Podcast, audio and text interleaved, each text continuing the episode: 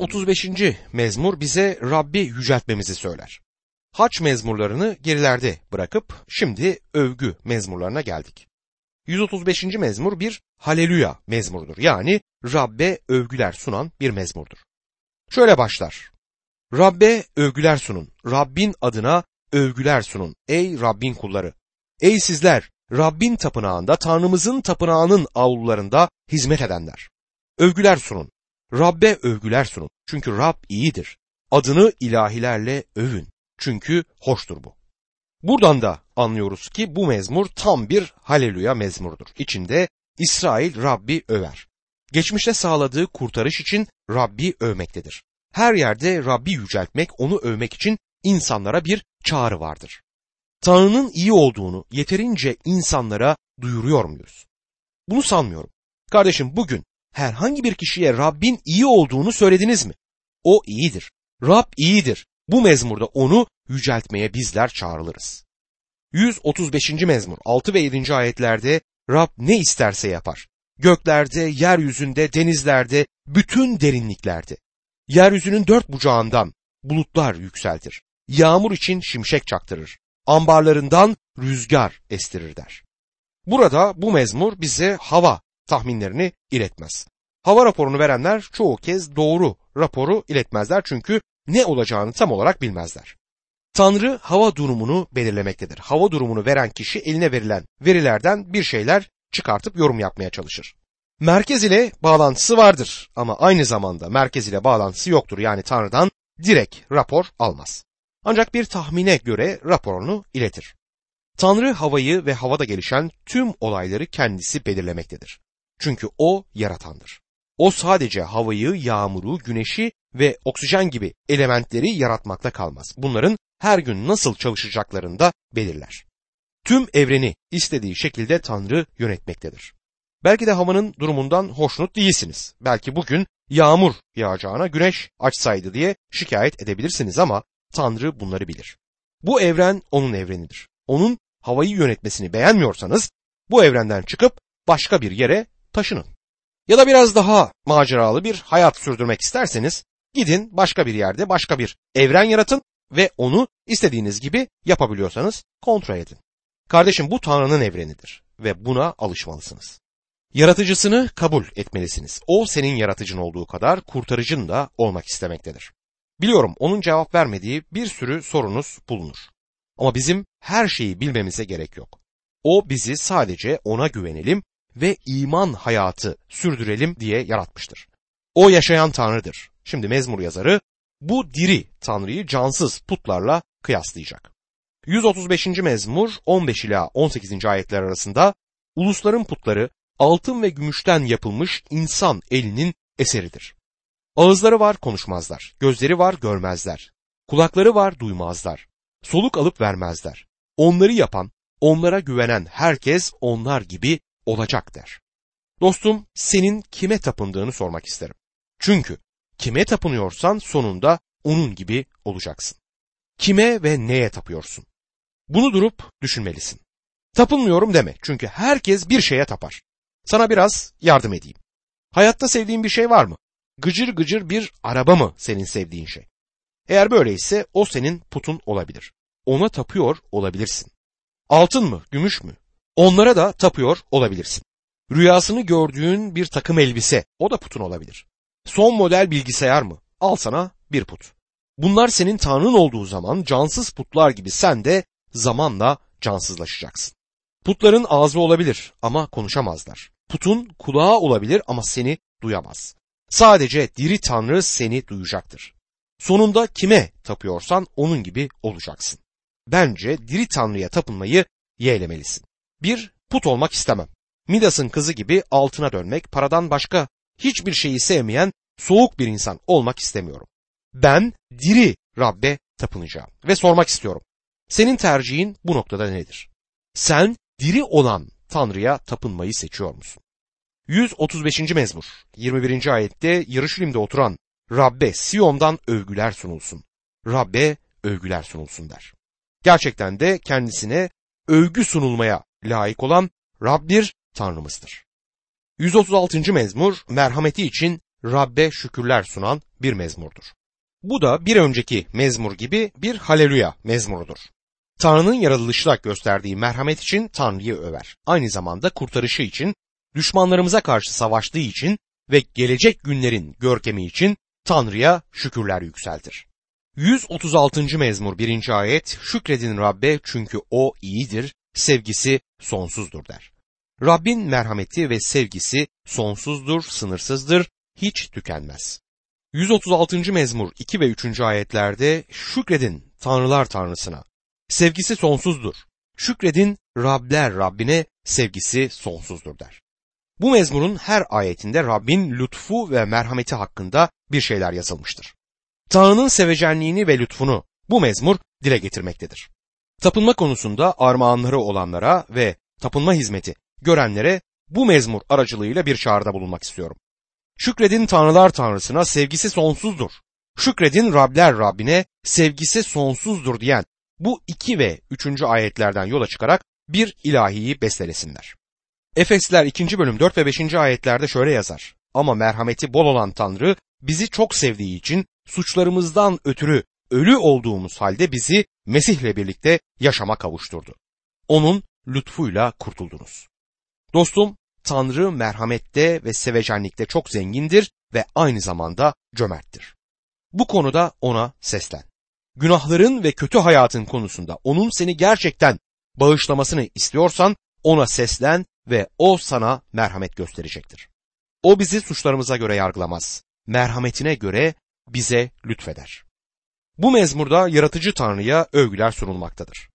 Fark ederseniz her ayetin sonunda tekrarlanan ifade şudur. Sevgisi sonsuzdur.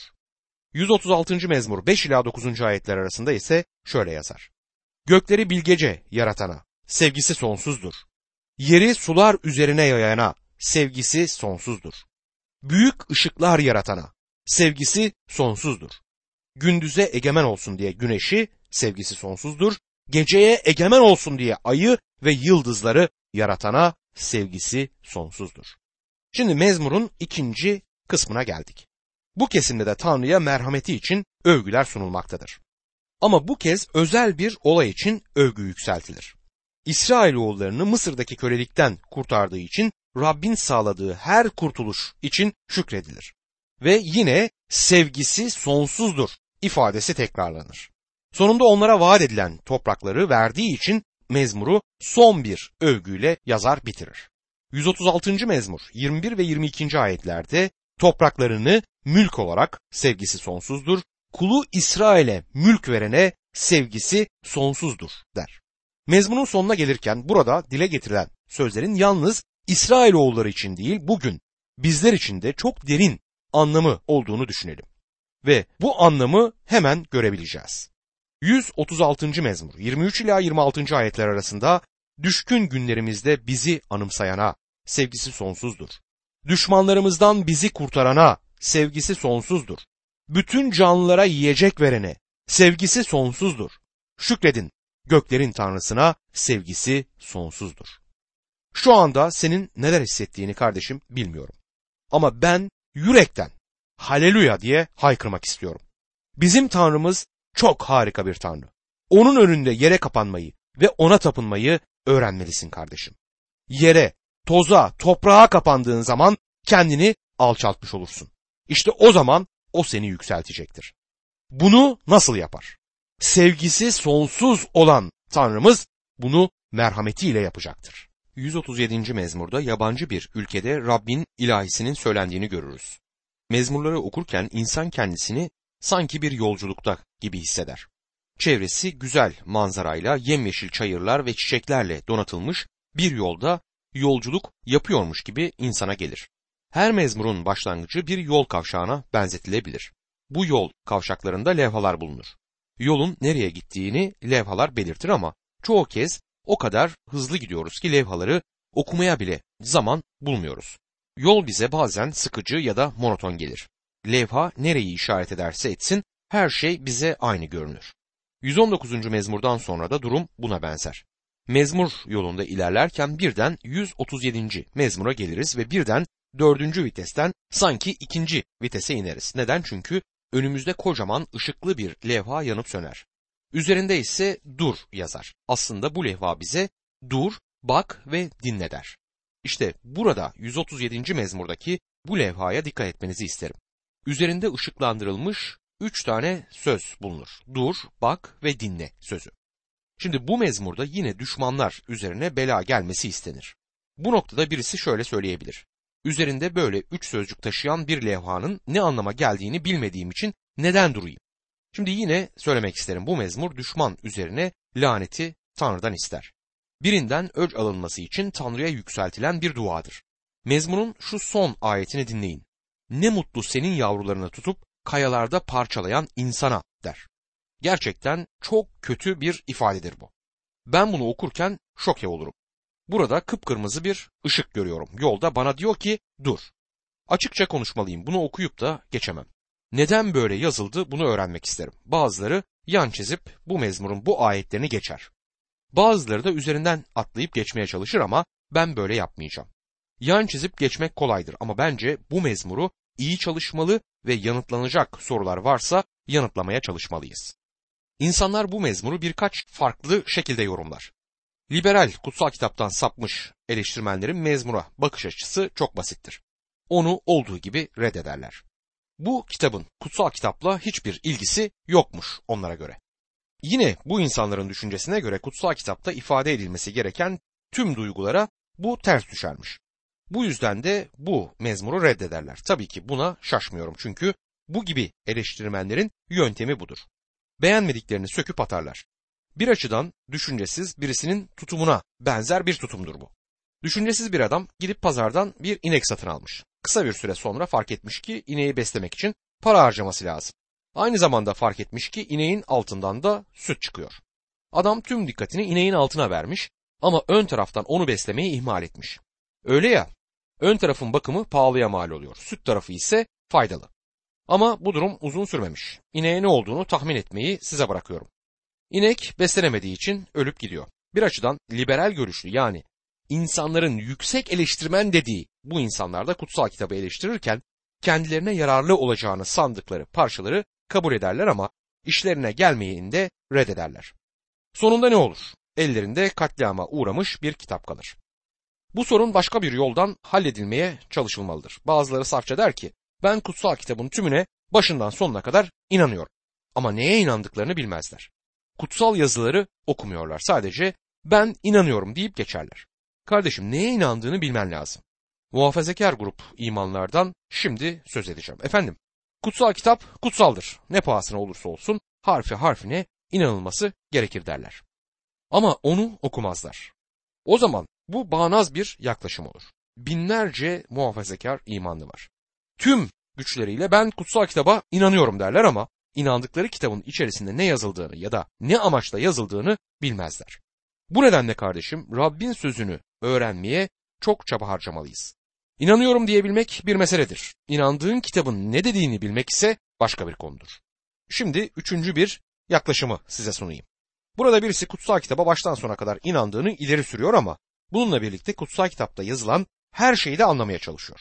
Bu yaklaşımda yazılanlarda Rab ne anlamı ifade etmek istedi diye sorar. Bize neler söylemek istiyor acaba? Hayatımızı bu sözlerle ne şekilde Tanrı etkilemek ister? Bu gibi sorulara yanıt bulmak için bu yaklaşımda çalışılması gerekir. Neye inandığımı, neden inandığımı bilmek ve içimde olan umudun bir gerekçesi olduğunu insanlara göstermek isterim. İşte bu yaklaşımla 137. mezmuru incelemeye başlayalım. İlk bakışta bu mezmurda yazılan bazı sözler şok etkisi yaratır. Tanrı sevgisine uymaz. Tanrı çocuğunun karakter yapısına uymaz ama bunun ardında acaba ne vardır? Bunu öğrenmek için çaba harcamalıyız. Bu ayetlere gelince ilk ışık bize dur der. Onun yanında bir başka ışık daha var, o da bak der. Yani 137. mezmurun bir kısmı Tanrı'nın seçmiş olduğu İsrail ulusunun tarihçesinden özel bir parçaya ışık tutar. Bu tarihi bir mezmurdur ama aynı zamanda alışılmamış bir içeriği bulunur. Kutsal kitabın tarihsel kitapları var ama bunlar İsrail ulusunun Babil'de geçirmiş olduğu 70 yıllık kölelik dönemini tasvir etmez. Bu kölelik devri zamanındaki olaylar kutsal kitabın tarih kitaplarına geçmedi.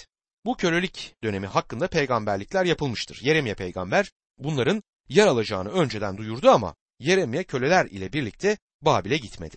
Hezekiel peygamber Babil'deydi ama oradaki İsrailli kölelere Rabbin sözünü duyuruyordu. Ancak dolaylı yollardan oradaki kölelerin durumunu hayal edebiliriz. Hezekiel peygamber 70 yıllık kölelik tarihçesinden ziyade Tanrı'nın ona vermiş olduğu vizyonla uğraşmaktaydı. Kölelik döneminde Daniel de Babil'de bulunuyordu. Daniel kralın sarayındaydı ve uluslardan gelen insanlara Tanrı'yı tanıtmakla meşguldü. Babil'de köle olarak yaşayan İsrailler hakkında bize bilgi vermez. Diyebiliriz ki Babil'de 70 yıllık kölelik dönemi suskun bir zaman olarak kalır. Uzay boşluğu gibi bomboştur. Tarihsel kitaplar açısından büyük bir boşluğu oluşturmaktadır. Kutsal kitabın dört tarihi kitabına bakacak olursak görüyoruz ki Krallar ve Tarihler kitapları bizi Yarışilim'in yerle bir edilişine ve Babil sürgününün eşiğine kadar getirip orada bırakır. Kutsal kitapta Babil sürgünü için yer yoktur çünkü Tanrı'nın hesabında. İsrail ulusu onlara vaat edilen ülkeden çıktıkları anda tarihin saati durur. Bu nedenle kutsal yazılarda bu kölelik dönemi hakkında hiçbir kayıt bulunmaz. Bu gerçek 137. mezmurda yazılanlara işte bir anlam katar. 137. mezmur 70 yıllık suskunluk vadisi üzerinden bizi taşır. Mezmur yolculuğumuzda bir mola yeri gibidir. Orada arabamızı bir kenara çekip İsrail ulusunun daha önce sergilenmemiş bir resmine bakabiliriz. Fazla bir şey göremeyiz ama bu 70 yıllık suskunluk zamanının içinden az da olsa bize bilgi aktarılır. Bu 137. mezmur aracılığıyla. Üçüncü bir ışıktan bahsettim ya. Üçüncü ışık bize dinle diye bir ikazda bulunur. Şöyle bir soru ortaya atılır. 137. mezmur 4. ayette. Nasıl okuyabiliriz Rabbin ezgisini el toprağında? Bu sorunun bu insanlar açısından yanıtlanabileceğini sanmıyorum. Bugün senin ve benim açımdan bile açıklanması güçtür. Bazı koşulların yerine gelmesi gerekir. Evet Rabbin ezgisini el topraklarında nasıl okuyabiliriz? 137. mezmur 70 yıllık kölelik döneminde bu halkın yaşamış olduğu trajik ve üzücü olaylardan söz eder. Bu mezmurda çok derin bir nefret duygusuyla birlikte en yoğun sevginin de ifade edildiğine tanık oluyoruz. Duygularının yarattığı fırtınanın içinde tamamıyla ezik bir duruma gelen bir halkı görürüz. Burada kaydedilen olaylar konusunda ifade edilmesi güç ama yoğun duygularla boğuşulmaktadır. Bu can damarına basan bir tecrübeyi ifade eder. İlk olarak bu insanları en çok etkileyen tecrübeye bakalım. 137. mezmur 1. ayet. Babil ırmakları kıyısında oturup Siyon'u andıkça ağladık diyor. Acaba bu mezmur nerede yazılmıştır? Babil ırmakları kıyısında diyor. Bu insanlar, bu halk başka insanların, başka halkların sürekli şekilde tecrübe ettiği baskı olaylarını yaşarlar şimdi. Goşen yöresinden tutun da Avrupa'nın gettolarındaki insan dışı muameleye kadar bu insanlar yurtsuz olmanın, reddedilmenin, ezilmenin ne olduğunu tecrübe etmiştir. Yabancı ülkelerde yabancılar arasında yaşamanın ne kadar üzücü olduğunu artık tecrübe ederler. Firavun'un günlerinde Mısır'ın angaryacılarından başlayarak Babil'in ırmaklarına kadar uzanan bir acılık zinciri onları sürekli incitti. Kölelerin çalıştırıldığı kamplarda ağır iş yapmanın ve bu yükün altında ezilerek ölmenin ne olduğunu biliyorlardı. Irmak kıyısı genelde baharı ve güzel piknik günlerini dile getirir ama bu halkın tarihçesinde Babil ırmakları işkence yeriydi. Orada ırmakların kıyılarında köle olarak çalıştılar, acı çektiler ve Babil ırmakları diye bahsedilen şey onlar için bunu ifade ederdi. Bu noktada bir soru sorulabilir. Acaba orada ne yapıyorlardı? İlk olarak şunu söyleyebilirim. Orada bulunmamaları gerekiyordu. Tanrı onları Babil'e değil Filistin'e getirmişti. Vaat edilen ülkede yaşamak için onları Mısır'dan alıp içinde bal ve süt akan diyara getirmişti. Vaat edilen diyarda İsrail ulusu Tanrı'nın halkı olarak çevresindeki uluslara Tanrı'yı tanıyan hayatın nasıl yaşanılacağını gösterecekti. Öyleyse Babil ırmakları yanında ne yapıyorlardı? Orada ne işleri vardı? Babil ırmakları diye yazar ama bu Babil'deki kanallardan söz eder. Fırat ve Dicle nehrinin kıyılarında kanallar kazan insanlar büyük bir olasılıkla işte bu kölelerdi. Babil'in o yöresini sulamak için bu kanallar kazılmıştır. Bu Yahudi köleler gün doğumundan gün batımına kadar o yakıcı güneşin altında çölde toprağa kazarak kanallar açıyorlardı. Babil ırmakları kıyısında oturup Siyon'u anımsadıkça ağladık diyor. Çok acıklı bir manzaradır bu. Bu kısa cümlede ezilmişlik, terk edilmişlik ve umutsuzluk bulunur. Başka ne yapabilirlerdi? Siyon'u hatırladılar ve 70 yıl boyunca sadece bir hatıra olarak bu kaldı. Mezmurlar Tanrı'yı yüceltmek için yazılan ezgilerdir. Mezmurlar sevinci ve övgüyü dile getirir. İmandan, umuttan ve güvenden söz eder. Ama bu mezmur böyle değildir. Bu mezmur gözyaşlarını, yenilmişliği dile getirmektedir. Siyon'u anımsadıkça ağladık der. Bu mezmurda övgü görmüyoruz. Bu mezmur çok kara düşünceleri, en yoğun sıkıntıyı, en acı tecrübeleri sanki bir cenaze törenindeymiş gibi bize taşır. Siyon'u anımsadıkça ağladık. Burada Yaruşilim ile Babil arasındaki farkı hemen görüyoruz. Orada muhteşem dağların kuşattığı tepeler arasında en güzel konuma sahip olan bir Yaruşilim vardır. Buna karşılık aşağılarda çöl olmuş topraklarıyla Babil bulunur. Bu insanlar kendi istekleriyle Babil'e gitmediler. Onlar oraya götürüldüler. Çünkü oturdukları kent yok edilmiş ve kendileri de köle olarak alınmışlardı. Onlardan çok daha güçlü olan Babil ordusu bulundukları kenti işgal etti. İşgalden sonra birçoğunu esir alıp Babil'e taşıdı. Onları hayvan sürüsü gibi tozlu yollarda, çöl yollarında güttüler. İnsanlıktan çıkardılar. Her birine haşereymiş gibi davrandılar. Şimdi vatan hasretiyle yanıp tutuşan, Siyon'u anımsadıkça ağladık diyen İsrail'i görüyoruz. Orada ne işleri vardı? Tanrı onları Babil'e gönderdi çünkü günah işlediler. Neden orada bulunduklarının cevabını öğrenmek isterseniz o dönemde Rabbin sözünü duyurmuş olan Yeremye peygamberin inleyişini dinleyin. Yeremya birçok insanın gözünde bir hanım evladı gibiydi. Çok ağladı ama iyi bir nedenle ağlamıştır. Tanrı sonunda yargısını İsrail ulusu üzerine indirecekti. Bu yargıyı duyurmak için yumuşak yürekli birisini yani Yeremya'yı seçti. Rab onlara şans tanıdı hem de defalarca. Tövbe etmeleri için onlara fırsat verdi ama Tanrı'yı dinlemediler, onunla alay ettiler. Tanrı da Yeremya'nın ağzıyla yargısını bu dik kafalı insanlara duyurdu. Tövbe etmezlerse Yaruşilim'i, onların o güzel kentini yok edecekti. Bunu onlara söyleyen Yeremya peygamberdi. Aynı zamanda Yeremya onlara köle olacaklarını da söyledi. Çok sert ve dayanılması güç bir mesajdı ama Rab mesajı verecek olan adamın sert olmasını istemedi. Yeremya gibi yumuşak yürekli birisini seçti. Çok yumuşak bir yüreğe sahip bir adam yani Yeremya ağlıyorum bunlara gözlerimden yaşlar boşanıyor demişti. Tanrı yumuşak yürekli birini gönderdi ki mesajı verirken Tanrı'nın onlar için acı çektiğini bilsinler. Tanrı onları sever ama günahlarını görmezlikten gelmez. Yarışilim ve halk için ağıt yakarken Yeremya'yı dinleyelim. Yeremya'nın ağıtları 1. bölüm 8. ayette Yaruşilim büyük günah işledi. Bu yüzden kirlendi. Ona saygı duyanların hepsi şimdi onu hor görüyor. Çünkü onu çıplak gördüler. O da inleyip öbür yana dönüyor der. Bu insanlar neden Babil ırmaklarının kenarındaydı? İşte sorumuz budur. Çünkü Tanrı'ya karşı büyük bir günah işlediler. Bu nedenle kendilerini o Babil ırmaklarının kenarında buldular.